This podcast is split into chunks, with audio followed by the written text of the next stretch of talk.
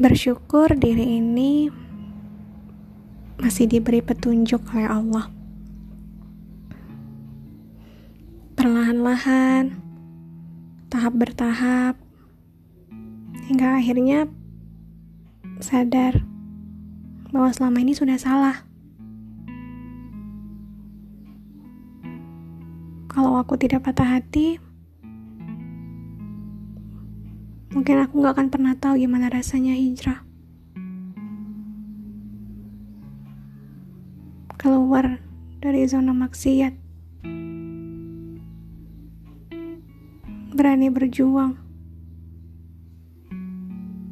dalam menunaikan perintahnya Allah. Aku pernah salah. Dan aku tidak mau salah lagi.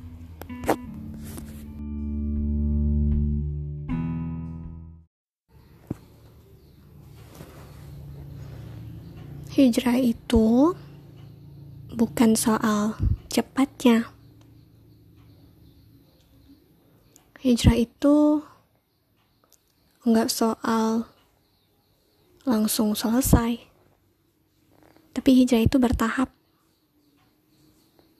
Hijrah itu lebih baik pelan, tapi pasti. Hijrah itu